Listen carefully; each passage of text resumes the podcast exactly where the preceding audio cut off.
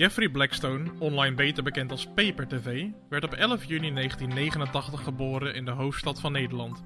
Deze ras-echte Amsterdammer is nu dus 32 jaar oud en streamt al ruim 5 jaar op Twitch. Er is geen Battle Royale game te vinden die hij niet heeft gespeeld en zijn viewers zijn altijd welkom om mee te doen. Daarnaast is Paper niet vies van een horror game en speelt hij ook graag competitive shooters als CSGO en Valorant. Maar wie is Paper TV nou echt? En wat is zijn verhaal? Daar komen we hopelijk de komende 60 minuten achter. Dit is open, eerlijk en persoonlijk. Dit is het spreekuur met Paper TV.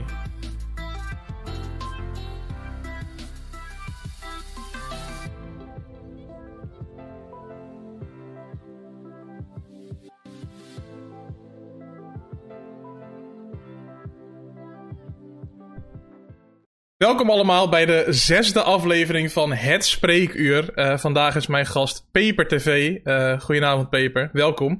Um, hey. Voor de mensen die het concept niet kennen, die hier nieuw zijn, uh, die geen idee hebben wat er gaat gebeuren, het is eigenlijk heel, heel, heel erg simpel. We gaan 60 minuten met elkaar in gesprek en het gaat 60 minuten lang over, in dit geval Paper, dus mijn gast.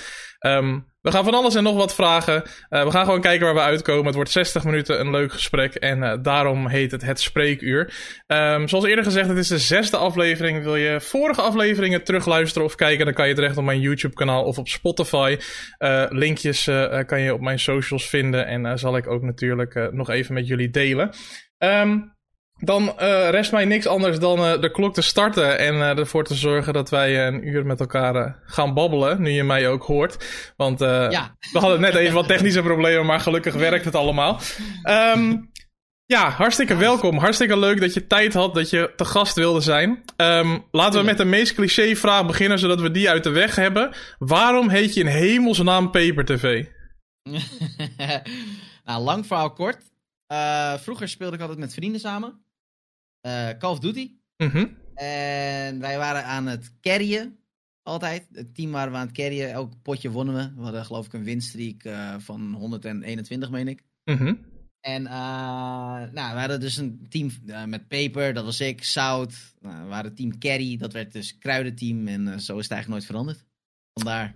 Oké, oké. Okay. Dus het is een, was een beetje een, het is een, een, beetje als een memepje begonnen, als ik het zo hoor. Ja, ja, en het is eigenlijk. Uh, ik heb het daarna nooit meer veranderd ook. Vroeger was mijn game naam overigens, voordat ik Paper heette, heette ik Nemix. Nemix? Ja. En waar kwam dat vandaan dan? Geen idee. Gewoon random? Geen idee. Ja, ik ramde even op het toetsenbord en dacht... kwam dat eruit? Ja. En die, die, die andere jongens dan waarmee je, of tenminste jongens, meiden, whatever, waar je mee gamede, uh, de, de, de, zout en zo, eh, spreek je die nog? Uh, weinig. Weinig. Het waren echt uh, de middelbare schoolvrienden. En eigenlijk uh, na de middelbare school deed iedereen natuurlijk zijn eigen opleiding. Ja. En uh, ja, dat is eigenlijk een beetje verwaterd. Gewoon iedereen ging zijn eigen weg. Ik spreek nog wel één, uh, één dude, spreek ik nog wel eens af en toe. Daar ga ik wel eens mee stappen. Toen mm -hmm. in ieder geval. Ja. Dus, Oké. Okay. Een droevig verhaal, dat peper- en zoutstel is dus niet meer... Uh...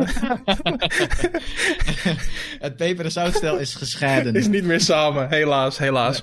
Hey Jeff, um, ik begin eigenlijk met iedereen um, bij het begin. Um, en dat is uh, zover als we terug kunnen en zover als jouw uh, geheugen je helpt om terug te gaan. Ik probeer altijd te beginnen bij de jeugd van mijn gast in ieder geval. Omdat er toch vaak misschien dingetjes zijn gebeurd, leuke verhalen zijn te vertellen. misschien fijne jeugdherinneringen, misschien minder fijne herinneringen waar we het natuurlijk ook over kunnen hebben. Um, ik was gewoon heel erg benieuwd. Um, toen ik je gisteren even sprak, uh, want ik spreek alle gasten even van tevoren, uh, zei je uh, volmondig geboren en getogen in Amsterdam. Vertel me eens ja. wat over jouw jeugd in Amsterdam. Hoe ben je opgegroeid? Hoe was jouw gezinssituatie? wat voor huis woonde je? vertel ons wat meer. dat is wel heel lang geleden. En het, ik heb niet heel lang in Amsterdam gewoond. Want toen ik okay. geboren was, volgens mij, voordat ik één was geworden, verhuisde ik al naar Amstelveen, waar ik nu woon. Mm -hmm. En ik woonde toen nog met mijn zus. Ik heb een oudere zus. Uh, die is twee jaar ouder. En we woonden in een flatje. En eigenlijk toen ik volgens mij net één was geworden of whatever, toen verhuisden we al naar Amstelveen, naar een rijtjeswoning. En daar heb ik echt mijn hele leven gewoond eigenlijk. Oké, Dus, oké. eh, Dus eigenlijk geboren in Amsterdam, maar wel getogen in Amstelveen, als we het zo... eh, Eigenlijk wel, ja. ja, ja. stiekem wel, stiekem wel. Maar je, Ja. je, ver- je, je verpakt het als Amsterdammer, want volgens mij iedereen die jou kent, die vind je een Amsterdammer, toch? Ja, sommigen zeggen dat ik een dialect heb, maar ik vind het serieus meevallen. Nou, je hebt wel... eh, maar, je hebt maar geen Amstelveens dialect, toch? Amsterdamse dan bedoel ik, zo neem ik aan. Amstelveens is heel anders, naar mijn ervaring. eh. Ja, Maar dat dat- is een beetje de... Het is wel grappig eigenlijk, want eh, ik denk dat wij dus een hele lange tijd, zonder dat wij elkaar kenden, heel erg bij, in de- bij elkaar in de buurt hebben gewoond. Want ik woonde in een Klopt. dorpje Nes aan de Amstel, dat eh, Oh, eh, dat bij is Uithoren eh, Serieus hiernaast. Ja, ja, dat is heel- hiernaast. heel dichtbij. Dus eh, dat Ja, is wel grappig. En, en Amstelveen dan, je jeugd in Amstelveen. Wat voor, wat voor jeugd heb jij gehad? Eh, ouders bij elkaar, ouders gescheiden? Ja. Eh, hoe, eh, Ja, ik had altijd wel... eh, ja, wel een prima jeugd. Ik had eigenlijk nooit echt eh, hele heavy shit meegemaakt. Ik had altijd wel gewoon normale vrienden. Ik heb ook nooit gebloot of gerookt of zo. Ik weet niet, het was altijd wel relaxed. En eh, ik had vroeger eh, ja, echt al gamevrienden ook al. Toen ja? al. Op vroege le- Ja. jonge leeftijd al? Ja, maar toen speelden we gewoon echt die hele oude, oude games, weet je wel. Doom en Half-Life. Dat is wel een klassieke. Ja. Maar ook echt, echt de oude, oude games. Echt eh, met eh, de SNES nog en zo. En eh, de Power Rangers game. Super nice. Oké, oké. Maar de- dat gamen dan, dat is ergens toch, dat is ergens begonnen. De, de eerste keer, kan je je dat nog herinneren dat je met gamen in aanraking kwam? Ja, dat was met mijn met mijn vader volgens mij destijds. Ik weet niet, we speelden zo'n spelletje. Dat heette Commander Keen. Dat vond mijn vader ook altijd heel leuk. Ken je dat? Ja, zeker, zeker. Dat is een klassieker. Ja, dat is echt een klassieker. Dat is echt, volgens mij is dat spel ook echt uit 19, eh, weet ik veel, 93 of zo, 92. Ik weet niet. Mhm. Echt, echt oud, oud. Ja. Maar dat was het eerste, eigenlijk het eerste echte spelletje wat ik me kan herinneren in ieder geval. En, eh, echt leuk. En daar is het begonnen. Daar is begonnen. Maar als dan, je zegt, eh, je vader liet je een beetje kennis maken met gamen. Dus het was dan ook ja, geaccepteerd, zeg maar, dat jij dat ook ging doen, neem ik aan. Hoe, Ja, Want vaak hoor je toch wel dat ouders zoiets hebben van, ga lekker buiten spelen en, en doe daar gewoon lekker je ding als kind. Ja, maar op zich, dat deed ik ook wel hoor. Ik was ook wel bij. Ik heb, heel, ik heb echt jarenlang gevoetbald. Echt eh 14 jaar lang heb ik gevoetbald. Ik was ook veel buiten. Ik was ook veel met vrienden buiten. Mhm. Maar gewoon, eh, weet je, als de. wij hadden de regel: als de lantaarnpalen aangaan, dan moest ik thuis zijn. Oh ja. En eh, in de winter, vooral in de avondjes in de winter, gewoon lekker gamen. En mijn vader, die had altijd wel een PC, want die werkte bij de bank en die kon via de, via de bank kon niet een PC krijgen. Ik weet niet precies. Oké. Maar ehm, ja, de goede oude tijd, ook met dat inbellen. Dat je kon internetten, maar dan kon je niet eh, met de telefoon bellen, weet je wel. Lekker ouderwets, ja. ben je wel eens van het internet afgegooid omdat een van je ouders moest bellen? Of je zus? Ja, ja, ja, zeker, zeker, ja. En je, je, je eh, ja, nou net een beetje tussen neus en lippen door gooi je eigenlijk dat je eh, bij wijze van spreken het braafste jongetje van de klas was. Ergens geloof ik daar echt helemaal niks van, als ik eerlijk ben. Nou, ik was op zich niet, ik was niet lastig qua dat ik een hele vervelende... Kijk, ik vond leren nooit leuk. Mhm. Maar ik deed altijd wat moest en ik ging altijd voor de, voor de zes en niet, nooit voor de tien. Snap je? Oké. Dus, eh, maar op zich, ik was nooit echt een hele ver- vervelende jongen. hoor. Ik eh, deed gewoon mijn ding en eh, ik weet het niet. Ik was niet zo'n zo'n persoon die in het fietshokken de hele dag te vinden was. Nee, ook nooit in de problemen geweest, nooit geschorst, nooit bij de directeur op kamertje moeten komen. Nou, wel, wel vanwege gewoon lessen skippen en zo, weet je wel. Oké. Dus, ehm, maar op zich, dat was, ik was zeg maar goed in de vakken die niet belangrijk waren. Voor mij dan. Dus ik Zoals? was goed in ja, eh, techniek, handarbeid, sport. Waarom is het niet belangrijk dan? Nou ja, ja dat zijn ja, dat een beetje, ja, ik weet niet. Dat waren niet echt eh, de ambities. Niet dat ik überhaupt toen een ambitie had, volgens mij. Ik wou vroeger altijd. eh, ik wou vroeger het leger in. Oké. Maar, je vond- gebeurd hoor. Je wilde het leger in, maar je vond techniek en sport niet zo belangrijk. Nee. nee, want uiteindelijk, want je hebt op een gegeven moment op de middelbare school heb je een keuze, toch? Dat je, Mhm. die- ik, het is echt al een half, jaar, half leven geleden. Ik kan niet eens meer herinneren hoe het precies zat. Ja, ik heb het zelf Volgens mij door. was er, eh, was er een moment, dat, dan heb je keuzes en dan heb je richtingen. En ik koos zeg maar de economierichting. Mhm. Eh, want ik wou daar wel iets mee, want ik was zeg maar heel goed in wiskunde en zo. En heel goed met economie en dat soort dingen. En daar wou ik ook eind- eindelijk, dat doet ze ook wel, zeg maar naast, naast het streamen werk ik. Ja. En dat is heel erg met cijfers en dingen. Ja. Eh, Dus, dus de, de beta-kant, zeg maar. Of wacht, zeg ik dat goed? Niet de talen, maar de, de wiskunde en die kant, zeg maar, ben je ja, opgegaan. Ja, talen is ook echt een drama bij mij. Dus uh, wat dat gaat... Uh... Ja? Heb je wel alles, uh, middelbare school en zo, in één keer gehaald? Of, of zijn daar nog wat... Ik, ben, uh, ik ben in de derde klas blijven zitten. Okay. En dat was eigenlijk door het gamen. Ja? Ja. Te veel? Ik had, een, ja, ik had twee goede vrienden. Die heten Koen en, Koen en Dennis. En Koen en Dennis waren mijn vaste... Eigenlijk was voornamelijk Koen mijn vaste Counter-Strike buddy. Want mm -hmm. dat was, de, toen ik in de derde zat was Counter-Strike 1.6, 1.5 heel erg hip. En um, toen ging ik serieus de wekker zetten om in de ochtend voor school te gaan counterstrijken met hem. Nice. En in de pauzes, als we tussenuur hadden, gingen we naar huis, gingen we counterstrijken. En als we klaar waren met school, gingen we counterstrijken. dus op een gegeven moment was het alleen maar, het leven bestond alleen maar uit counterstrike. En we speelden echt wel op een lekker leveltje, zeg maar. Mm -hmm. Ja, dat, ging ten goede, ten koste van, uh, ja. van het school. Toen was er natuurlijk uh, geen tijd voor huiswerk meer. Nee, toen was het even een jaartje minder. Maar ik moet zeggen, ik, het heeft me nooit, uh, het heeft me nooit geschaad dat ik uh, in, een, een, jaartje ben blijven zitten, weet je. Ik heb, de jaar erop was gewoon easy, want ik kon heel veel vakken toen laten vallen. Of tenminste, mm -hmm. die had ik gehaald, dus, dus toen was het leven eigenlijk heel chill. Ja. En toen, voor de rest eigenlijk prima. Ik heb mijn HAVO-diploma toen gehaald. En heb ik wel een aantal studies geprobeerd. Mm -hmm. Waaronder een koksopleiding. ja, daar gingen we zeker op komen. Maar voordat we, voordat we verder gaan naar je opleidingen, je bleef zitten. Uh, ik ben zelf ook uh, een keer blijven zitten. Uh, dat was niet het leukste jaar, zeg maar, thuis. Dat was wel even een, een gesprekje, zeg maar. de, de, de, sfeer leed daar wel onder. Hoe, hoe was dat bij jou dan? Was dat... Nee, ja, ik heb vrij... Ik heb eigenlijk hele relaxte ouders. Ze zijn wel streng qua norm en waarden. Mm -hmm. Maar uh, mijn moeder die werkt zelf op een, uh, op een school. Ja. Dus ze weten wel een beetje van weet je, hoe het soms kan gaan. En mijn vader is vrij, ja, hoe zeg je dat? Nuchter. Mm -hmm. die, uh, als, als je een jaartje blijft zitten, is niet per se het einde van de wereld, weet je. Oké. Okay. En die, die nuchterheid en die, die rust, zeg maar, dat, dat heb ik zelf ook heel erg. Ik bedoel, ik kan gewoon rustig nadenken en ik panikeer niet zo heel snel als dingen niet goed gaan, zeg maar. Mm -hmm. Okay. Dus uh, mijn ouders stonden er vrij flexibel in. En die zeiden wel van, ja, weet je, want als je een tweede keer blijft zitten, dan is het wel een issue. Ja. Alleen, um, ja, was prima. En hoe, dus... heb je dat, hoe, hoe, heb je dat toen gefixt dan? Ben je ook daadwerkelijk minder gaan gamen? Of uh, kreeg je van je uh, ouders regels daarvoor of zo, dat je minder mocht gamen? Ja, ja wat, wat gestructureerder gamen, zeg maar. en niet meer... Uh, want destijds had ik... Ja, die, dat maatje van mij, Koen heet hij dus, die, um, die werd heel, heel vrijgelaten thuis. Mm -hmm. En wij bleven samen zitten ook, trouwens. Ja, oh, oh hij ook. En uh, ja, ja, ja. Alleen, uh, ik was heel vaak bij hem thuis en zo, ook met mini-lannetjes, weet je. was gewoon met mijn pc'tje bij hem thuis en shit. Mm -hmm. en, maar dat, dat werd aanzienlijk minder. Maar dat was op zich prima. Ja. Dat was prima. Heeft hij het uiteindelijk ook gehaald? Uh, ja. Okay. Ja, zeker, zeker. Dus het is heel, goed, heel, goed gekomen. heel af en toe. Ja, heel af en toe. Dan zie ik hem nog wel eens intune op Twitch. Oh, echt? ja, super grappig. Dat is wel maar leuk. Echt, heel spora. Echt een blauw maandag hoor. Maar. Uh, ja. En uh, je zei net ook al van. Jullie waren op een redelijk goed niveau uh, toen jullie Counter-Strike speelden.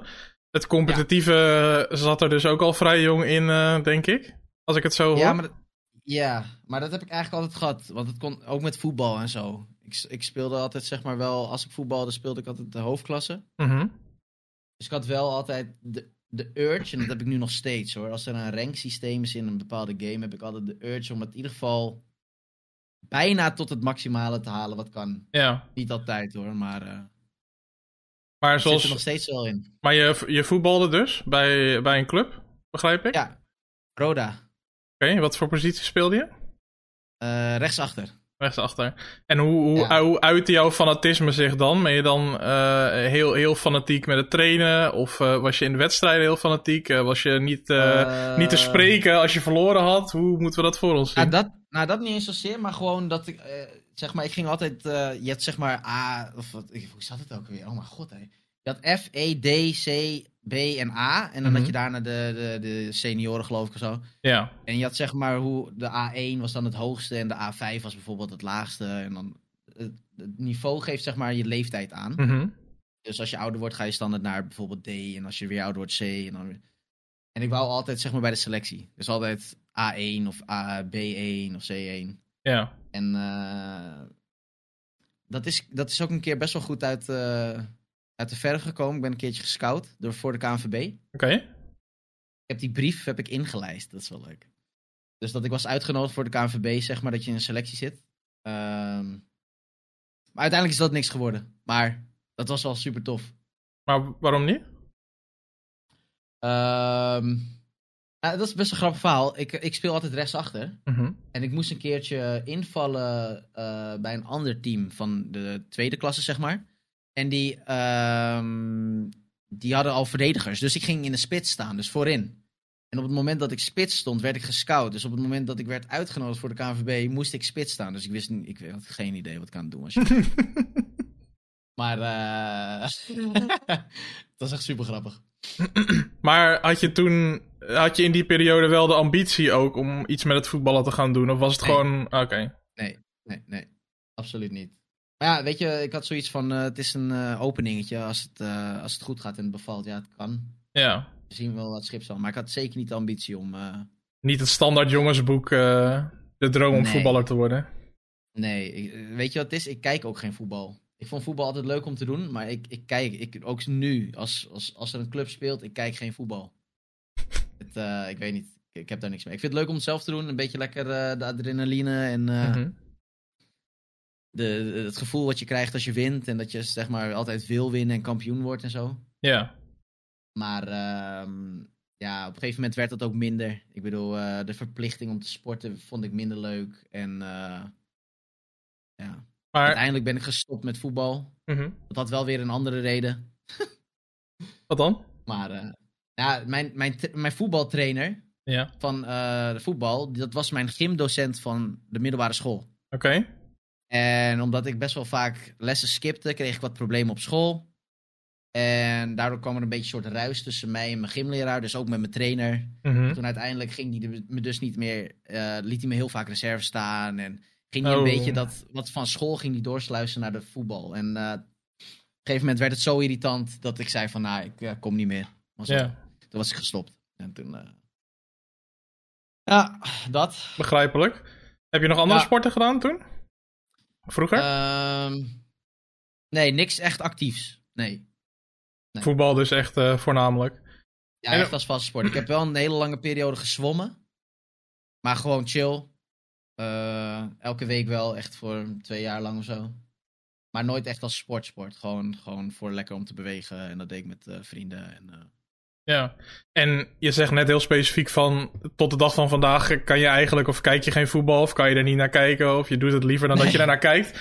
Wat, wat is dat dan, zeg maar? Is het dan als je net kijkt dat je denkt van... eh, vind je dat dan saai? Of, of ja. ja.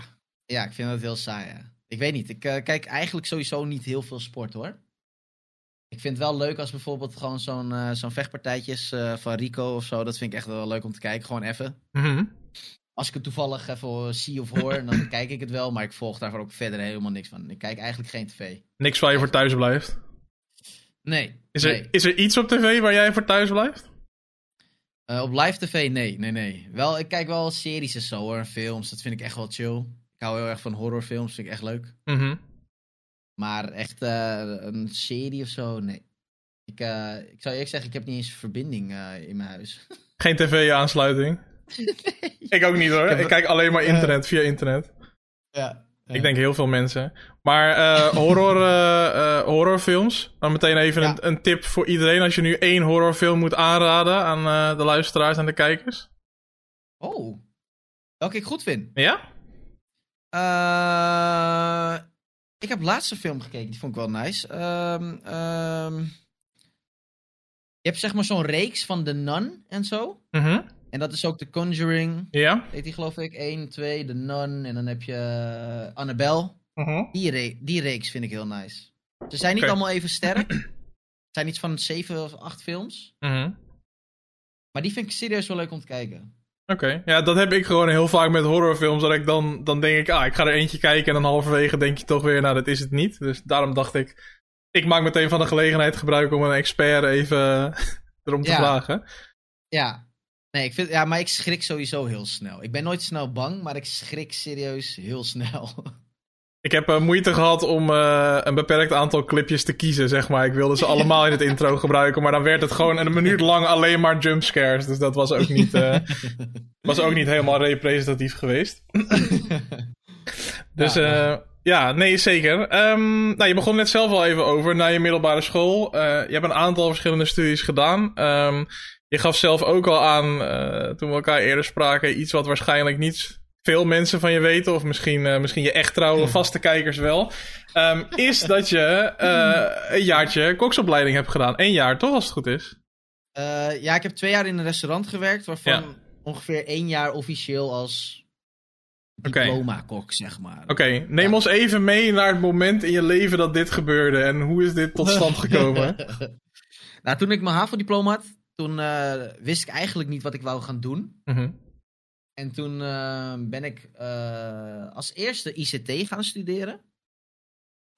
Dat heette Information Engineering. Dat was zeg maar coderen en ondernemen een beetje.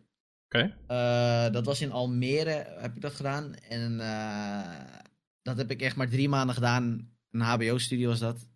Verschrikkelijk. Ja. Dus toen was, ik toen was ik gestopt. Toen kon ik mooi het tweede halfjaar zeg maar instromen bij een andere studie. Dat was uh, commerciële economie. Uh -huh. Dat deed ik in de Belmer. Op de HES was dat. Ja. Uh, vond ik super leuk. Alleen, ja, ik, ik kwam erachter dat studeren toch niet helemaal mijn ding was. Um, ik, ik, na, bij de eerste tentamenweek had ik al een paar toetsen niet gehaald, dus ik had al vertraging. En toen, de tweede tentamenweek, moest ik die herkansen en nieuwe tentamens. Uh -huh. En toen had ik op een gegeven moment ik geloof een tentamenweek van 12 of 13 tentamens. Nou, kansloos. Dus toen had ik op een gegeven moment gezegd: Ja, weet je, ik vind het wel leuk, maar het is gewoon te veel. Of ja. het is niks voor mij. Maar niks voor jou als in, uh, je kon jezelf niet motiveren of lukte het je niet? Of wat? Ja, ja ik, ik kan gewoon, ik, ik hou niet van lezen en zo. Oh, dat is wel gewoon... belangrijk als je wil studeren. Ja, ja, studieboeken en zo. Ik weet niet. Ik, uh, ik ben meer een doener dan een echt een uh, studeren, zeg maar. -hmm. En um, nou, dus toen ben ik gestopt. Toen had ik een, uh, omdat je dan officieel stopt, stopt, uh, had ik meteen een studieschuld. Want ik had natuurlijk al, uh, wat was het? Anderhalf jaar of zo. OV. Oh ja. En, du ome duootje natuurlijk. Dus toen had ik gezegd van, nou, ik ga stoppen. En toen moest ik meteen iets van, ik had meteen een studieschuld van, ik geloof drie of vier k of zo. Meteen al in mm -hmm. anderhalf jaar, best veel. Dus toen ging ik gaan, ben ik gaan werken. En ik werkte toen bij een bowlingbaan. Ja. En die bowlingbaan die zat gegren, uh, aangegrensd aan, uh, aan een restaurant. En dat was zeg maar, dat hoorde bij elkaar, maar ook weer niet.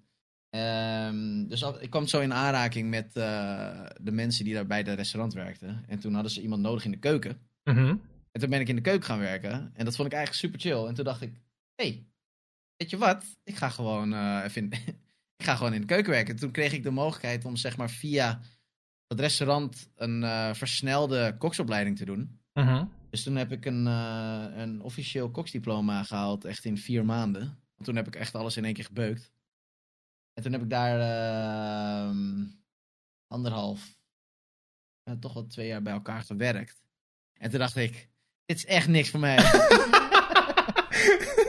Hoe dan? Hoezo dan? Hoe kan je dat nou twee jaar doen en dan opeens denken dat het niks voor jou is? nou ja, het, het, het, het, twee keer kerst missen en alle okay. feestdagen en de weekenden ja. werken. Het, het, ik weet het niet. Het, uh, het matchte niet helemaal met mijn, uh, met mijn, met mijn rooster. Wanneer mm. ik vrienden wou zien en uh, dat soort dingen. Ja.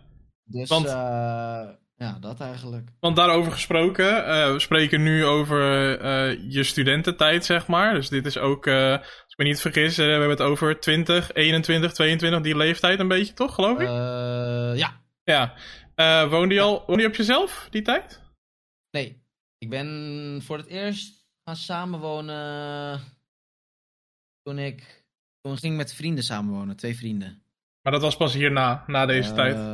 Ja, ja want, ik zat, want mijn school was best wel dicht bij huis. En ik mm -hmm. had het prima thuis. Mijn ouders lieten me vrij. En uh, ik had ook geen haast om zeg maar naar het huis te gaan omdat, dus, je, uh, omdat je net zei van dat je uh, wel bij Ome Duo wat geleend hebt en uh, natuurlijk je OV en zo. dus niet ja. gegaan in uit huis wonen. Ging het naar bier? Nee. Ging het naar, waar ging het heen? Het ging uh, voornamelijk, ja, dat, dat, dat, is nog steeds mijn hoofduitgave. Gewoon eten. Uit eten gaan, feestje, kleding. Gewoon het, uh, het lekkere leven, zeg maar. Ik ging wel sparen hoor. Ik heb wel altijd gespaard. Mhm. Dat heb ik wel echt uh, nu nog steeds. Ja. spaar nog steeds altijd. Ehm, maar ja, gewoon genieten. En ik had zoiets van, weet je, als ik eenmaal klaar ben met studeren, ik heb een vaste baan. Ik had toen destijds ook een vriendinnetje. En ehm, ik, ik had zoiets van, ik zie het allemaal wel. Ja. Toen kreeg ik de mogelijkheid dat ik met vrienden ging samenwonen. Met twee vrienden. We gingen met z'n drieën op een boerderijtje wonen. Was echt, uiteindelijk was het echt verschrikkelijk, maar goed. Nou, echt? Waarom? Nou ja, weet je, ik ben van mezelf heel erg netjes. Ik ben altijd heel erg opgevoed van, weet je, als je uit je bed gaat, bed opvouwen.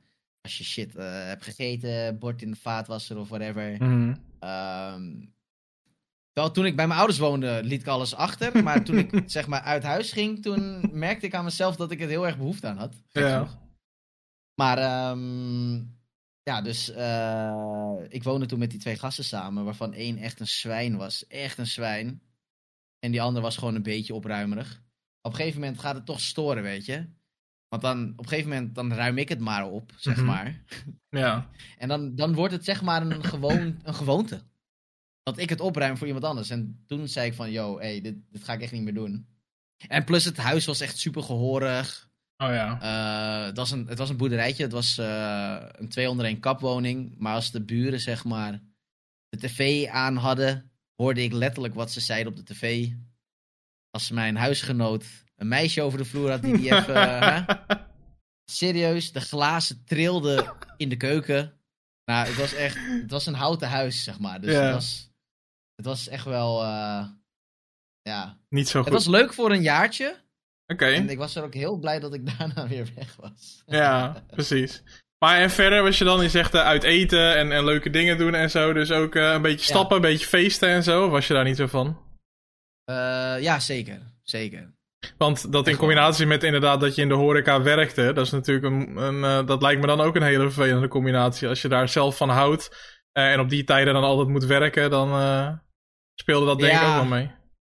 Ja, klopt, klopt. En vaak was het altijd, nou op zich, als je in de horeca werkt zelf, want waar ik werkte was dus een restaurantje en een bowlingbaan en een tennisclub zat er ook achter. Mhm. Weet je, als je heel laat klaar bent, ben je op een gegeven moment ook wel gaar. Dus het is niet dat je dan meteen gaat stappen of zo. Dat was wel iets, ik weet niet. Liever slapen. Alleen, alleen, in, de, alleen in de weekenden, zeg maar. Ja. Oké. Ja. Dus uh, toen ontdekte je op een gegeven moment dat dat niks voor je was. Je dacht, uh, dit, uh, dit gaat hem niet worden. Um, ja. En toen ben je weer heel iets anders gaan doen. Ja, toen, ik vond zeg maar commerciële economie, dus de, de hele, de hele marketingkant en economie, economiekant zeg maar, vond ik heel interessant. Dus toen Mhm. dacht ik, weet je wat, ik ga gewoon marketing en communicatie studeren. Ja. En dat heb ik uiteindelijk gedaan en versneld. En toen Mhm. ben ik gaan stage lopen. En bij het bedrijf waar ik stage heb gelopen, Mhm. daar werk ik zeg maar nu nog steeds. Dat is al tien jaar geleden. Dat is wel nice. Dat is echt nice. Ja, Maar wat was er Ja. anders aan de Jeffrey van 2011 ten opzichte van de Jeffrey van 2007, 2008, 2009, die toen niet kon studeren en in 2011 opeens wel? ja, nou ja, je wordt een beetje wakker, hè? Je wordt ook ouder. Mhm. En ja, op een gegeven moment als je dan toch wel... eh, hoe oud was ik? Ja, een- Ja, een- 2011, eh 22, 21? ja 21, 22. En ik had niet officieel op mijn HAVO-diplomaatje na... had ik niet echt officieel een papiertje... Ja, een koksdiploma, hoe. Maar ja, weet je, de, ik wou meer. Ja. En dat... eh, ja, dus toen ben ik er serieus wel... Toen gamede ik wel iets minder ook. Mhm. Dus ik had wat minder prikkels. Ja. Dus, eh, maar ja, dus toen is het een beetje gaan rollen en toen ben ik gaan studeren en toen eh, eigenlijk nooit meer weggaan bij dat bedrijf. Waar ik dus nu nog steeds naast het streamen af en toe eh, een project run, dus dat is wel leuk. Ja, want eh, ehm, je ging daar stage lopen. Ehm, heel veel mensen hebben denk ik stage gelopen in hun leven. En eh, de een, voor de een is dat een wat prettigere ervaring dan voor de ander. De een is de hele dag eh, koffie aan het halen en kopietjes aan het maken. En de ander, voor de ander is het een hele toffe ervaring. Wat, wat herinner Ja. jij je nog van die periode, wat je, wat je zo al gedaan hebt? Ja, ik werkte bij een, of werk, werk nog steeds, bij een marketingbureau. En daar hebben zij, eh, zij werken met heel veel verschillende klanten. Mhm. En zij hebben soms echt projecten van een week maar, maar ook soms projecten van maanden, soms zelfs jaren. Mhm. En ik werd in het team gezet, zeg maar, die al hele kortstondige projectjes werkte. Dus ik, ik moest daar echt een, iets langer dan een half jaar stage lopen. En ehm, ik heb daar echt iets van vier of vijf verschillende projecten gedaan. Heel variërend in werk. Dus bij de ene was het heel erg met koffie en de andere was heel erg met eh, telefoons. En de variatie met plannen en cijfertjes, dashboards bouwen en alles erop en eraan. was echt superleuk. Mhm. Dus eh, ik was Oké. niet per se koffie aan het zetten. Ik was Nee. wel echt in het team, zeg maar. Duidelijk. En dat heb je Ja. toen heel veel eh, jaren gedaan. Alles bij elkaar ruim zes jaar, geloof ik. Ja. In je eerste periode, Ja. zeg maar, daar. Want je bent er heel even weg geweest, als ik me niet vergis. Ehm, toen je daar wegging, dat is ongeveer ook de periode, volgens mij, dat je bent begonnen met streamen op Twitch, zeg maar, rond die tijd. Of streamde je al op Twitch toen je daar nog werkte? dat was- ja, dat was al eerder. Het begon ooit een beetje hobbymatig. Ja. Zeg maar toen woonde ik dus nog met vrienden samen. En ehm, het begon eigenlijk heel klein. Heel eh, slecht. Ik had echt... eh, Ik, had, ik keek de chat zeg maar op mijn telefoon. ik had maar één Ja, er- scherm, dus ik keek, ik keek de hele tijd naar beneden. Er waren geen clipjes zeg van die tijd meer. Ik kon geen clipjes vinden. Nee. Want er bestond nog niet volgens mij toen clipjes maken. Dat wel, dat wel. Oh. Alleen de, ehm, ehm, de reden was dat ehm, er kwam die DMCA-regeling, weet je wel. Oh, ja. En toen zeiden ze van, je kan eh gebashed worden op oude clips. Ja. En eh, uit zekerheid heb ik gewoon elke clip die ik maar überhaupt op mijn ehm, kanaal had, heb ik gewoon verwijderd. Gewoon, ik Ja, geen precies. gezeur mee. En, eh, Ja, vandaar. Oké, oké. Maar Ja. ehm, die dag is ooit een keer gekomen dat je dacht, eh, OBS of wat het dan ook toen de tijd was. Volgens mij was het toen nog andere software. ik, ik weet niet of, eens meer of ik toen... Ja, ik streamde toen ook al volgens mij. Ik denk ook met OBS. Ja. wat gebeurde er bij jou dat je dacht, oké, ik ga dit installeren. Ik ga dit nu aanzetten, start streaming en... ja, het kwam, eh, ja, het kwam eigenlijk door mijn huisgenoten, want ik kende Twitch helemaal niet. Ik kende het niet. En eh, mijn huisgenoten waar ik toen mee samenwoonde, Mhm. die zeiden van, eh, die, keek, die keken dus wel eens al streams en zo. Ik, ik had er nog nooit van gehoord, joh. Dus ik, toen ben ik gaan kijken, toen vond ik het wel leuk. Dus toen ben ik zelf een accountje gaan aanmaken. Ja. Toen heette ik nog Paper020. maar, ehm, dus toen, ehm, op een gegeven moment keek ik altijd bij een streamer die H1C1 speelde. En die zei op een gegeven moment, eh, ik was daar echt elke dag. een Nederlander? Op een gegeven moment, ja, Brainloos, ken je hem? Nee, sorry. Nou, is een, is een oude H1C1 eh, streamer. Mhm. Doet het overigens al lang niet meer, maar... En eh, ik gamede best wel veel met hem en hij had superleuke dingen. En ik had echt wel naar mijn zin. En toen eh, op een gegeven moment eh, kwam het een beetje sprake van waarom ik het eigenlijk niet ging doen. En toen dacht ik, ja, waarom doe ik het niet? Ja. Is gewoon lachen. Want ik vind het altijd wel leuk om in, weet je, een mens te ontmoeten en gewoon nieuwe, ja, überhaupt connecties te maken, zeg maar. Mhm. Dus toen begon het een beetje hobbymatig, gewoon willekeurig een avondje. En toen, ja. En al mijn vrienden zijn zeg maar gamers. Dus toen hingen mijn vrienden zeg maar ook gewoon lekker in mijn chat en zo. Dus toen op een gegeven moment werd je zeg maar... Ik begon nooit met streamen met één of twee kijkers. Omdat mijn vrienden altijd bij me hingen. Dus toen ging Mhm. het vrij in een korte tijd best wel rap omhoog, zeg maar. Ja. Dus tot en met zeven maanden later dat, eh, dat ik zelfs partner was geworden. Toen was de regel wel anders hoor dan nu. Want nu heb je echt richtlijnen en zo. Mhm. Maar ehm, ja, was wel echt gruwelijk. En toen zeg maar, zelfs toen ik partner werd, toen werkte ik gewoon nog fulltime. Mhm. En er was een moment op mijn werk dat ik dacht, oké, Twitch gaat nu zo lekker. Zal ik gewoon denken, fuck it. Ik ga gewoon proberen fulltime te streamen. Mhm. Of ik ga, ik blijf het een beetje hobbymatig doorzetten. Ja. En ehm, nou, dus toen heb ik uiteindelijk de keuze gemaakt. Ik heb even wat geld gespaard van stel Twitch wordt niks en eh, ik kan drie maanden zonder werk zitten. Ja. Eh, toen heb ik de knoop doorgehakt. Ik heb mijn baan opgezegd. Ik heb eh, een KVK aangevraagd uiteindelijk. En ik ben eigenlijk nooit meer echt, echt in loondienst geweest. Dus beste keuze uit mijn leven om eigenlijk fulltime te gaan streamen. Ja? Ja, Waarom? Zeker. Ja, gewoon de, de, de vrijheid en de, de, de, de, de keuze die je zelf maakt wanneer je aangaat of niet. Mhm. Ehm, ja, gewoon echt vaste mensen die je altijd ziet. gewoon vaste mensen die je altijd ziet, wat ook daadwerkelijk vrienden zijn geworden. Eh, het organiseren van meetings, events die we, ja, die helaas nu niet zijn, maar events die er zijn. De samenwerkingen die ik heb meegemaakt en die ik nu nog steeds heb, dat is echt zo gruwelijk. Dus uh, nee, echt. En ik doe het inmiddels al vijf jaar. Mhm. Vijf jaar en vier maanden precies trouwens vandaag. 1 december. Ja, ja. Het was 1 augustus 2016 augustus, begonnen. Dus uh, nee, echt heel vet. En echt heel, hele leuke dingen mee mogen maken. En uh, ik doe het nog steeds elke dag heel graag hoor. Maar is dat dan het, uh, het, het clichématige, jij bent niet gemaakt om, om onder een baas te werken? Of is dat het niet? Kan je, kan je dat wel... Nee, want ik heb mijn hele leven, ik heb mijn hele leven altijd in loondienst gewerkt. Ik zeg maar voordat ik echt... Zeg maar toen ik gewoon op school zat en nog een mm -hmm. pubertje was en zo, toen werkte ik gewoon bij de Albert Heijn. Ja. Vanaf mijn 14 of 15e, net wat mocht. Volgens mij 15 was ik. Mm -hmm. En dat heb ik echt gedaan uh, ja, tot mijn twintigste wel. En toen ben ik die switch gaan maken naar kok twee jaar. Anderhalf jaar, twee jaar. En vanuit daar ben ik weer zeven jaar, zes jaar wezen werken bij het marketingbureau. Dus ik heb altijd voor een baas gewerkt, zeg maar. Ja, precies. Maar omdat je dus net heel specifiek zegt... Uh, vanaf dat moment nooit meer een loondienst geweest. Beste keuze die ik ooit gemaakt heb. Dat, zo... vrijheid. Ja, De precies. Vrijheid. Ja. Ja. En um, dat is heel... Ja, kijk, je hebt, je hebt mensen die houden heel erg van zekerheid. Kijk, mijn inkomen is nooit zeker. Nooit. Mm -hmm. Er is geen maand, letterlijk, er is geen maand hetzelfde. Er zijn serieus goede maanden en er zijn serieus slechte maanden. Mm -hmm. Dus, en daar moet je tegen kunnen. Ja. En uh, heel veel mensen willen altijd een beetje stabiliteit, wat logisch is. Of die vinden het een beetje spannend, wat ook logisch is. Mm -hmm.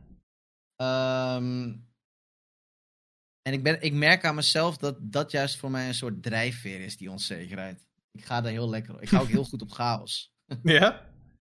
Ja. Maar hoe, ja. zeg maar, ik kan bijna niet geloven hoe relaxed je ook overkomt, zeg maar. En, en uh, nou, net bijvoorbeeld toen je ook zei van, toen ik bleef zitten op de middelbare school, dat ik, nou ja, kan gewoon gebeuren, hoort er gewoon bij. Uh, we gaan gewoon lekker verder. Uh, dus je gaat best wel goed met, met tegenslagen om, als ik het zo hoor. Ja. Dat is wel een soort van spirit die jij hebt. Maar... Ja. Er zijn toch vast ook wel momenten dat Jeffrey stress ervaart van, van uh, het, het... Wat je zegt nu net ook, er zijn goede slechte maanden. En dan heb je waarschijnlijk wel een soort van backup en een beetje spaargeld. Maar uh, er zijn vast ook wel momenten toch dat jij denkt... Hmm, het is, wel, het is ja. ook wel spannend. Ja, zeker. Nou, kijk, ik ben nu uh, iets minder dan een halfjaartje geleden... is het uitgaan tussen mij en Lau, zeg maar. Ja. En uh, wij hadden acht jaar lang een relatie. Daar was ik serieus wel even, serieus even in een dippie van. Mm -hmm. En ik ben verhuisd uiteindelijk. En het leven wat ik nu leid, ik moet zeg maar mijn eigen huis nu volledig financieren. Dus er is wel een soort financiële druk bijgekomen. Ja. Maar daarom werk ik nu ook naast um, Twitch. Heb ik mijn kleine stabiele factor, zeg maar. Dat, uh, dat is nu mijn werk naast Twitch, zeg maar. Dat ik Mhm. mm -hmm. ten alle tijden daar niet echt zorgen om hoef te maken, zeg maar. Ja. Dus er is een soort van vangnet en dat geeft je die rust waarschijnlijk ook wel. Ja, ja zeker. En uh, je merkt, weet je, Twitch is natuurlijk gewoon heel erg... Je moet daar volledig voor focussen. Mm -hmm. Wil het levend blijven, zeg maar. Want ja. de, je merkt gewoon in de tijd, want ik ben anderhalve maand um, wat een beetje off the radar geweest. Ik ben minder gaan streamen, ik zat midden in mijn verhuizing. Ik zat midden in mijn break-up, zeg maar. Ja. En toen ik eigenlijk weer terugkwam, merk je gewoon dat er heel veel mensen ook weg zijn. En dat is niet erg, want dat is gewoon het leven. Maar je merkt wel, ik merk nu wel weer dat ik een soort in een, opnieuw in een soort opbouwfase zit. Mm -hmm. En dat is fijn. Ja. En dat is prima. Maar stel ik had um, mijn job niet naast dit, dan zou ik er wel anders in zitten hoor. Ja. en het feit dat, uh, dat je zegt van, nou, het is logisch dat er mensen weggaan als je een tijdje wat inactiever bent. En zelfs heel eventjes ja. misschien wat langere tijd, voor jou doen, langere tijd offline bent geweest. Um, ja. je, je begrijpt het, maar ben je er stiekem ook een klein beetje van geschrokken? Of had je het ingecalculeerd? Nou, dat niet, dat niet. Maar het is wel een soort reality check. want je merkt wel, het is heel, niet heel bot gezegd of zo, maar het is zeg maar uit het oog, uit het hart. Want als je er Mhm. bent en je bent er altijd, dan zijn de mensen er en dan leeft het. Maar als je dan Ja. weg bent, dan merk je gewoon dat dat sust. Ja. En eh, je hebt altijd te maken met zeg maar mensen die zijn er al sinds het begin. Mhm. Ongeacht wat ik speel. Het maakt allemaal niks uit. Die zijn er gewoon. Elke meeting, ze zijn er. Ja. En je hebt altijd mensen, weet je, een beetje. Die zijn game-afhankelijk. Er zijn eh, mensen die alleen komen als ik bepaalde. Als ik bijvoorbeeld horror weekend heb. Mhm. En dat is prima, want dat is gewoon. Dat is de digitale wereld. Dat is gewoon de harde realiteit. Weet je, mensen komen, mensen gaan. Ja. En sommige mensen zijn heel lang weg en die komen dan weer terug. En dat is, dat is super. Dat is echt super nice. En dat is ook gewoon. Dat, it is what it is. Ja. En, En, ehm, en ja. Ervaar je daar, eh, want je hoort wel eens van andere streamers, hè, dat die ook, nou ja, als die een weekje op vakantie gaan of zo, dat ze dan inderdaad bang zijn dat ze eh, x aantal abonnees kwijtraken of wat dan ook. En nu zie je dan soms inderdaad mensen die op vakantie gaan en dan op vakantie IRL gaan streamen, bijna in een soort van poging om eh, mensen Ja. niet kwijt te raken. Voel jij die soort van druk ook, van ik kan niet zomaar weggaan? Ehm, niet per, het is niet per se een druk. Het is wel een soort van. Als je het niet doet, heeft dat wel invloed. Ja. Ehm, kijk, ik, ik spreek wel eens andere streamers en die zijn heel erg bezig met eh, de cijfers. En die voelen Mhm. zich kut als ze bijvoorbeeld een dag niet een sub hebben gekregen. Of die voelen zich kut als ze normaal, eh, weet ik veel, 50 kijkers hebben en ze hebben een dag 20. Dan zijn ze meteen een soort van aangevallen. Mhm. Maar ik denk dat dat niet, dat is niet helemaal de mindset dat je altijd gewoon rustig kan streamen. Ja. Dat je letterlijk gewoon het streamen doet voor het, de mensen die er wel zijn, in plaats van voor de mensen die er niet zijn, zeg maar. En ik hecht juist altijd heel erg de waarde aan de mensen die er dan wel zijn. Ook als Mhm. mensen bijvoorbeeld zeggen, yo, hey Peper, ik heb je lang niet gezien. Dan zal ik nooit zeggen van, waar was je? Ja. Snap je? Dan zeg ik, dan zeg ik gewoon, Jouw schuld. bent. Jouw schuld. Ja, weet je, het is, het is een beetje, ik denk dat, je, dat het heeft te maken met een mindset. ja. Ik bedoel, het is altijd fijn als er mensen zijn en fijn, weet je, dat is mooi. En als mensen niet zijn, ja, natuurlijk, iedereen heeft een eigen leven, iedereen heeft eigen issues, iedereen heeft zijn eigen baan, kinderen, interesses, eh, mensen krijgen vriendinnetjes, vriendjes, Twitch is niet meer belangrijk, so be it, Ja. toch? Zeker. Dus ja, Zeker. ik Zeker. denk dat dat, eh, maar dat geeft mij persoonlijk, die mindset geeft mij heel veel rust. Dat ik gewoon weet van, oké, ik ben er wel voor de mensen die er wel zijn, snap je? Ja. Duidelijk. En, ehm, dat, dus. En eh, je bent er nog steeds heel veel. Eh, je rekende voor mij de uren eh, voor die je streamt en de uren die je daarnaast nog werkt. En dat is meer dan een gemiddelde werkweek volgens mij die jij er uiteindelijk uithaalt. Qua uren. Ehm, Ja. hoe, hoe manage je dat, zeg maar? Is dat voor jou... ja, dat lijkt me ook wel pittig, toch? Ehm, Want even voor de mensen, zeg maar, die niet weten... hoeveel uur stream je ongeveer per week? Ik stream, ik ben, ik ben iets teruggedaald. Ik streamde eerst echt vier keer 10 uur. Mhm. Dus echt 40 uur per week. En ik doe nu vier keer 8 uur. Oké. Dus ik eh, lever 32. twee uurtjes. Ja, dus ik lever twee uurtjes per dag in. Ehm, maar ja, daarnaast werk ik nog ongeveer 25 uur. Dus ik heb ongeveer een werkweek van 55 uur per week nu. En dat is prima te managen, want Twitch geeft me echt oprecht energie. Mhm.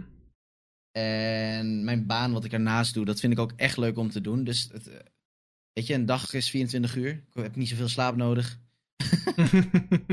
Dus ik heb oprecht nog genoeg vrije tijd. Oké. Oké, gelukkig maar. Ehm, Ja. je liet het net al eventjes vallen. Eh, je hebt een hele tijd een relatie gehad. Eh, dat was ook, eh, daar was je ook altijd gewoon heel open over op stream. Eh, ze was ook best wel vaak volgens mij op stream, of in ieder geval. Je praatte over haar. de stream wist wie zij was.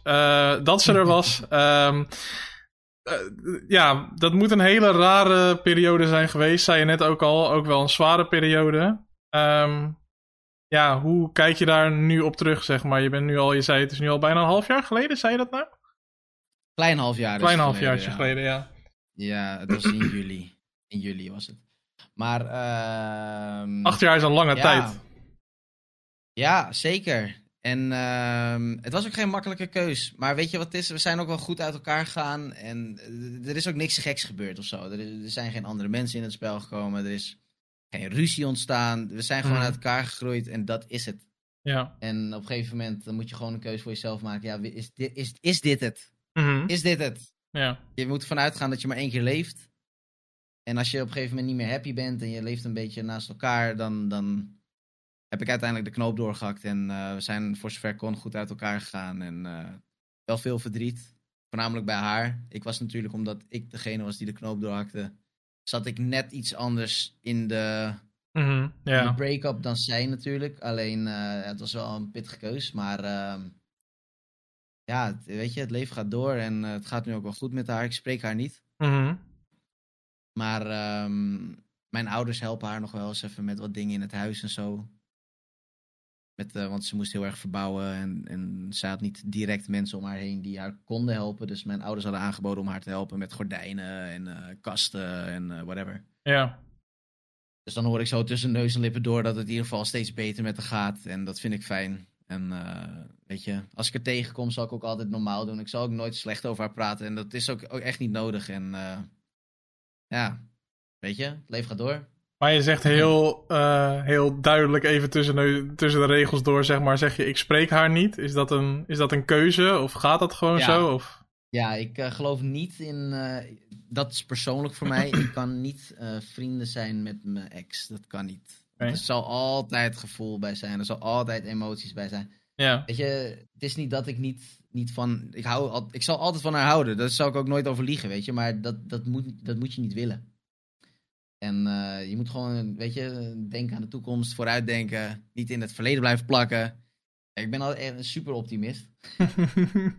ja, ja, nee, Dus, dat, eh, dat valt me zeker op. Je bent een super optimist, maar ik vind je ook bijna, zeg maar, ehm, zo zakelijk of zo kom je over. In de zin van.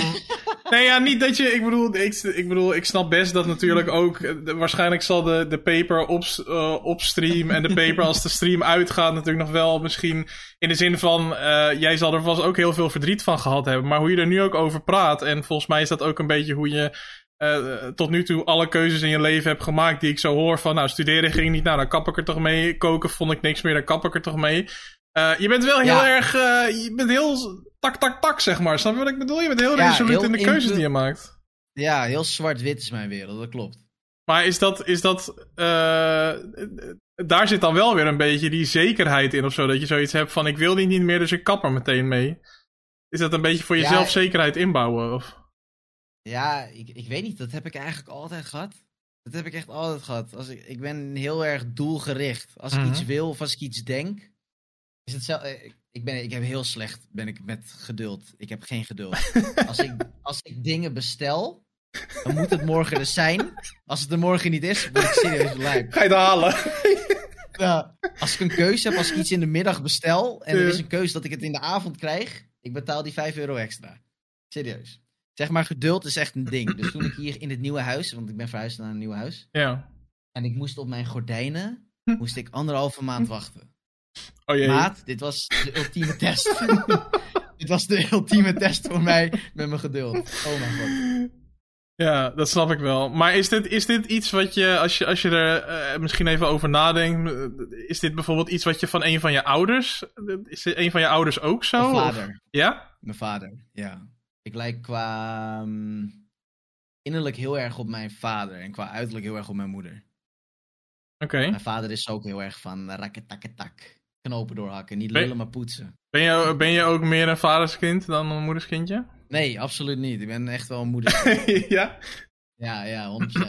Hoe is je band met je ouders eigenlijk? Goed. Ja? Ja. Nee, ja, dat, hoor, dat hoor je ook niet altijd, zeg maar. Niet iedereen heeft... eh, Ja, nee, mijn ouders zijn gewoon nog bij elkaar. Eh, elke woensdag zie ik mijn vader, of mijn, zeg maar de ene, mijn ouders zijn gewoon bij elkaar, maar mijn moeder werkt de ene woensdag wel en de andere woensdag niet. Maar ik zie mijn ouders eigenlijk elke woensdag en dan de ene keer is dus alleen mijn vader er en de andere keer mijn ouders er. Maar elke woensdag. Oké. En je zegt dat, op de dat, eh, dat hele eh, concrete denken en zo, dat heb je van je vader. Je zegt uiterlijk Ja. van je moeder, maar heb je ook innerlijke eigenschappen die je heel erg herkent die je van je moeder hebt? Ik ben een hele lieve jongen natuurlijk. Hè. Ja, uiteraard. Uiteraard, uiteraard. Slijmbal. Nee, ja, niet specifiek. Maar ja, mijn moeder is vrij rustig. Ik vind mezelf eigenlijk ook wel vrij rustig. ja, vind je? Ja, dat vind ik serieus. Ik eh, ben. Ja, ja, vind ik eigenlijk wel.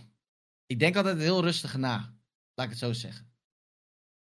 Je denkt heel rustig na om vervolgens een hele strakke beslissing te nemen. Ja, maar daar denk ik serieus wel goed over na. Heb je ooit, is er ooit een moment geweest dat je. Kan je, kan je je één keuze herinneren die je hebt gemaakt die ook zo tak was, waarvan je later denkt, oeh, misschien had ik die iets minder scherp moeten maken? Oeh. Eh, heb ik een keus gemaakt die ik niet, misschien niet had moeten maken? Ehm, Heel, cli- heel cliché zit eigenlijk de vraag: heb je ergens spijt van in je leven? Nee. Eigenlijk niet. Is dat raar? Nee, dat is heel mooi, lijkt me. Ik heb eigenlijk geen spijt dat ik ben gestopt met school toen. Ik heb geen spijt dat ik een koksopleiding heb gedaan voor niks. Want het was wel leuk. Hey, je kan nu wel koken. Ja. Of, of oh, nee, kan je niet koken nu? Ja, ik, oh, ik heb wel- ja, nou, ik zal je heel eerlijk zeggen, ik kook nooit. ik vind het echt verschrikkelijk. Man. En het is ook... Ja, weet je wat het is? Eh, het is meer een tijdsdingetje, denk ik. Ja, Ik vind... Ik vind eh, weet je wat het is? Ik woon op mezelf. Ik ben alleen. Koken voor mezelf vind ik serieus niet leuk. Dus dan... Ik heb zeg maar Ja. prepped food. snap Dus ik wel. Ik, koop eten wat al klaar is. En dat piep ik op in de mag en dan ben, je, ben ik happy. Ja.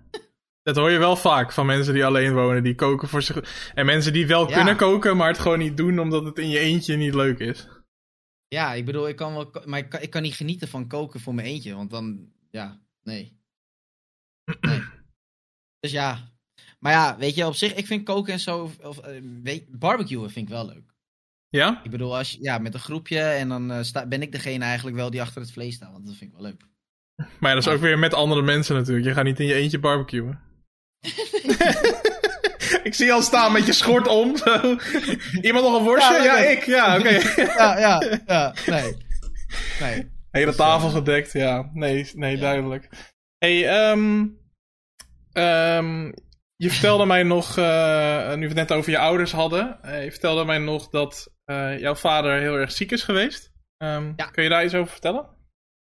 Ja hoor, mijn vader heeft zes, zeven jaar geleden heeft hij... Mijn vader is altijd een, een, maagzuurpatiënt geweest. Hij had altijd Mhm. last van maagzuur en oprispingen. En hij ging al altijd een beetje voor controle naar de huisarts. Gewoon voor maagremmers en dat soort dingetjes. Ja. En op een gegeven moment eh, ging het even niet zo goed. En toen eh, is hij naar de dokter geweest. En toen was er geconstateerd dat hij, dat hij slokdarmkanker had.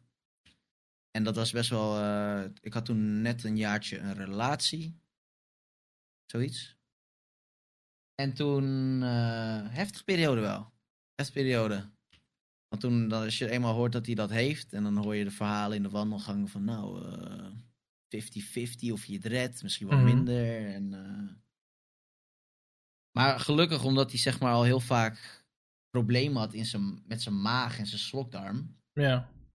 eh, was hij er heel snel bij. Dus het was echt de early, early, early stage van het hele slokdarmkanker gebeuren, zeg maar. Mhm. En eh, toen is hij geopereerd. Ehm, toen hebben ze zijn maag hebben ze zijn, drie kwart verkleind. Zijn slokdarm hebben ze gehalveerd.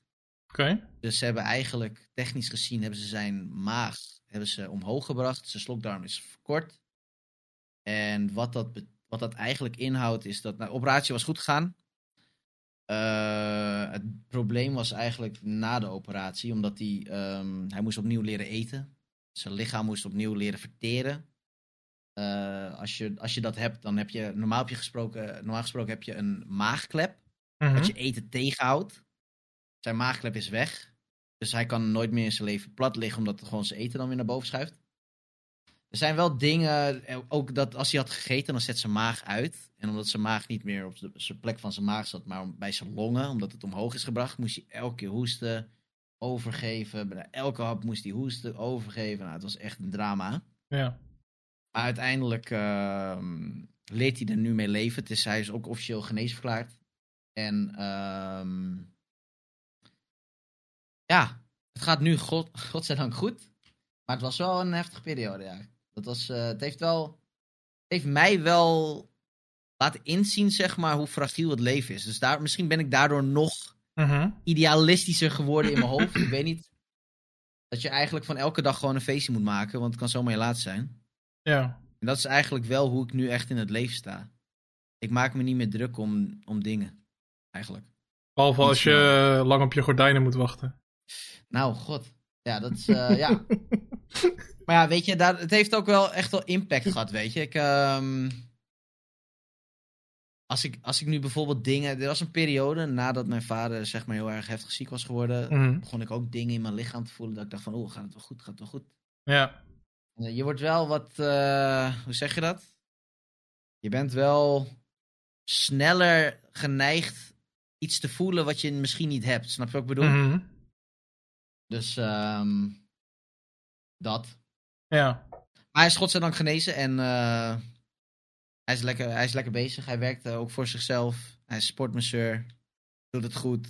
Zijn zaak gaat goed. Dus ja, alleen maar, alleen maar props. Mooi zo. Goed om te horen. En eh, ja. Ja. nee, ja, die dingen hebben natuurlijk ook impact inderdaad op jou. Ehm, en op hoe jij je Ja. vormt. Dus dat, dat merk je natuurlijk zelf ook wel. Hey, ehm, Ja. we lopen richting het einde. Er was nog één ding in ieder geval wat ik heel graag nog even met je wilde bespreken. Ehm, eh, dat is namelijk iets wat je buiten het streamen om eh, eh, hebt gedaan.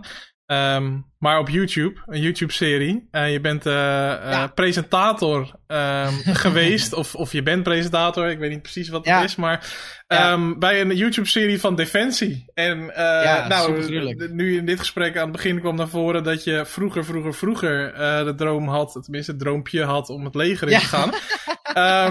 Is het toch nog soort van gelukt, Jeff? Vertel, wat, wat, hoe, ja, wat doe je? Super grappig. Ja, wat, wat is gebeurd? Ja, ik, ehm, eigenlijk, het begon heel klein. Ehm, ik was benaderd door een, ehm, want de eSports Defensie, of de, tenminste werken bij Defensie, heeft een eigen Twitch-kanaal. Dat heet eSports Defensie. Ja.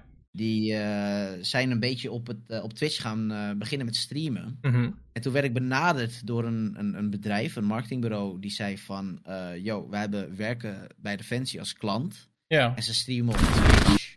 En ze zoeken eigenlijk iemand die even wil uitleggen precies hoe het, hoe, hoe het streamen is, zeg maar. Mhm. Kan je een soort van workshop geven? Ja. Dus toen zei ik, ja, tuurlijk, vind ik leuk. Tuurlijk, Mhm. eh, ik kan je wel mijn ervaringen delen en dat soort dingen. Dus op een gegeven moment gingen we naar een Discord en toen zat ik echt met wel 30 militairen of zo. ja. Het was echt super grappig. En eh, ik had een soort powerpointje gemaakt. En ehm, nou, ik had gewoon verteld van, nou, dit en dit. eh, dat werkt voor mijn kanaal heel goed. En let op interactie. En. En dat duurde echt zo, eh, weet ik veel, anderhalf uur, twee uur, zoiets. En op een gegeven moment eh, hadden we daarna nog een na-evaluatie. En eh, nou, het, was echt wel een leuke klik. En het was echt wel gezellig. En op een gegeven moment werd ik weer, een maand later of twee maanden later, werd ik weer door het bedrijf benaderd. Van, yo, ze gaan iets doen voor op YouTube. Mhm. Zou je het eventueel leuk vinden om te presenteren? Ja. Zei ik, tuurlijk. Maar weet wel, ik ben nog nooit een presentator geweest. Ik ben een streamer, ik game, ik heb een camera op me, maar ik presenteer is wel andere koek.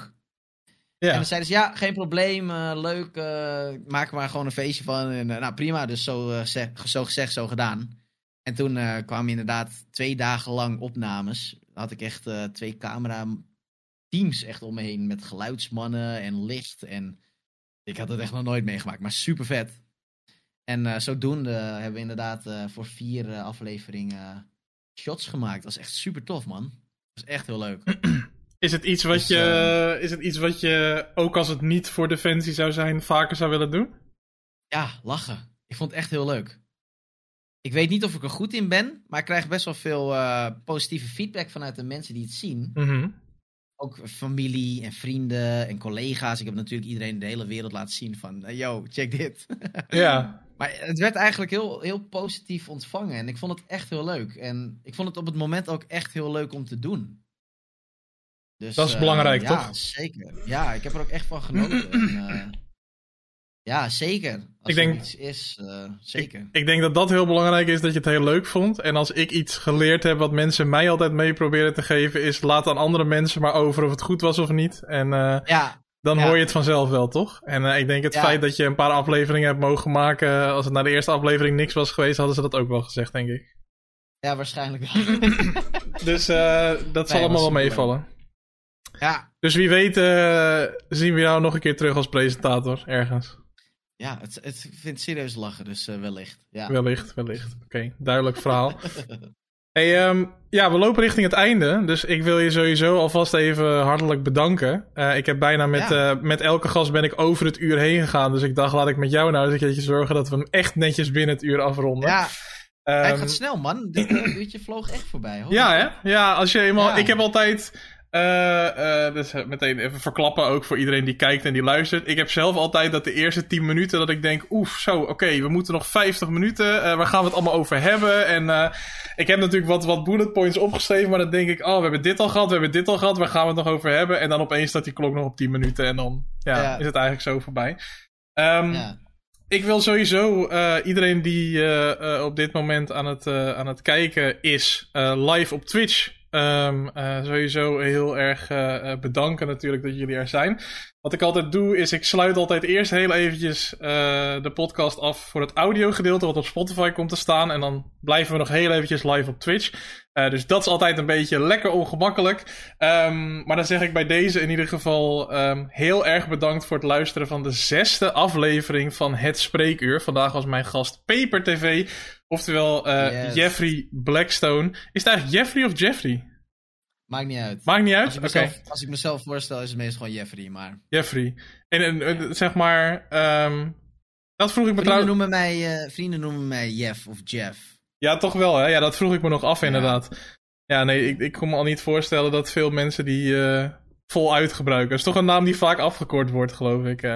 Klopt. Zijn er ook mensen... Als, men- in het, in als het- mensen mijn volledige naam noemen, dan heb ik meestal wat fout. gedaan. Ja, dan heb je ruzie. Ja, ja, dan, dan heb je het verkeerd gedaan. Ja, nee, dat kan ik, dat kan ik begrijpen. Vooral als het een van je ouders is, waarschijnlijk. Of toen een tijdje vriendin, dan wist je sowieso dat het eh fout boel was. Nee, duidelijk, duidelijk. En dat ik, eh, ja, dat was ik lul. Ja. Ehm, ja, iedereen die luisteren is, hartstikke bedankt. Je kunt de vorige vijf afleveringen ook allemaal terugluisteren. eh, natuurlijk op Spotify. Ehm, het is misschien leuk om te weten dat dit de ene laatste aflevering was van seizoen 1. Dat betekent dat er dus nog eentje komt van seizoen 1. En dat is over twee weken. En eh, eh, bij deze is ook eindelijk mijn laatste gast van het seizoen bekend. En dat is namelijk Saar. Eh Saar streamt ook op Twitch. En maakt eh, eh, een en ander content overal op social media en dergelijke. Ehm, dus Saar is de gast op 15 december. En dan hebben we de cirkel rond ehm, Rick Broers, Kevin van Wonderen, Daniel Lippens, Stream with Lean, Mattia Koolhout en Paper TV. En dan als laatste Saar. Ehm, en wees niet getreurd, want als seizoen 1 afgelopen is, dan neem ik een hele korte break tijdens de feestdagen. En dan komen we terug. We komen nog veel harder terug in 2022, want dan gaan we namelijk 10 weken lang achter elkaar elke woensdag een aflevering van het Spreekuur uitzenden. Dus niet meer om de twee weken, maar elke woensdag. Dus ehm, zorg dat je erbij bent. En dan eh, wil ik je in ieder geval bedanken voor het luisteren naar deze aflevering. Paper, hartstikke bedankt dat je te gast wilde zijn. En eh, hopelijk eh, tot een volgende keer. Bedankt voor het luisteren.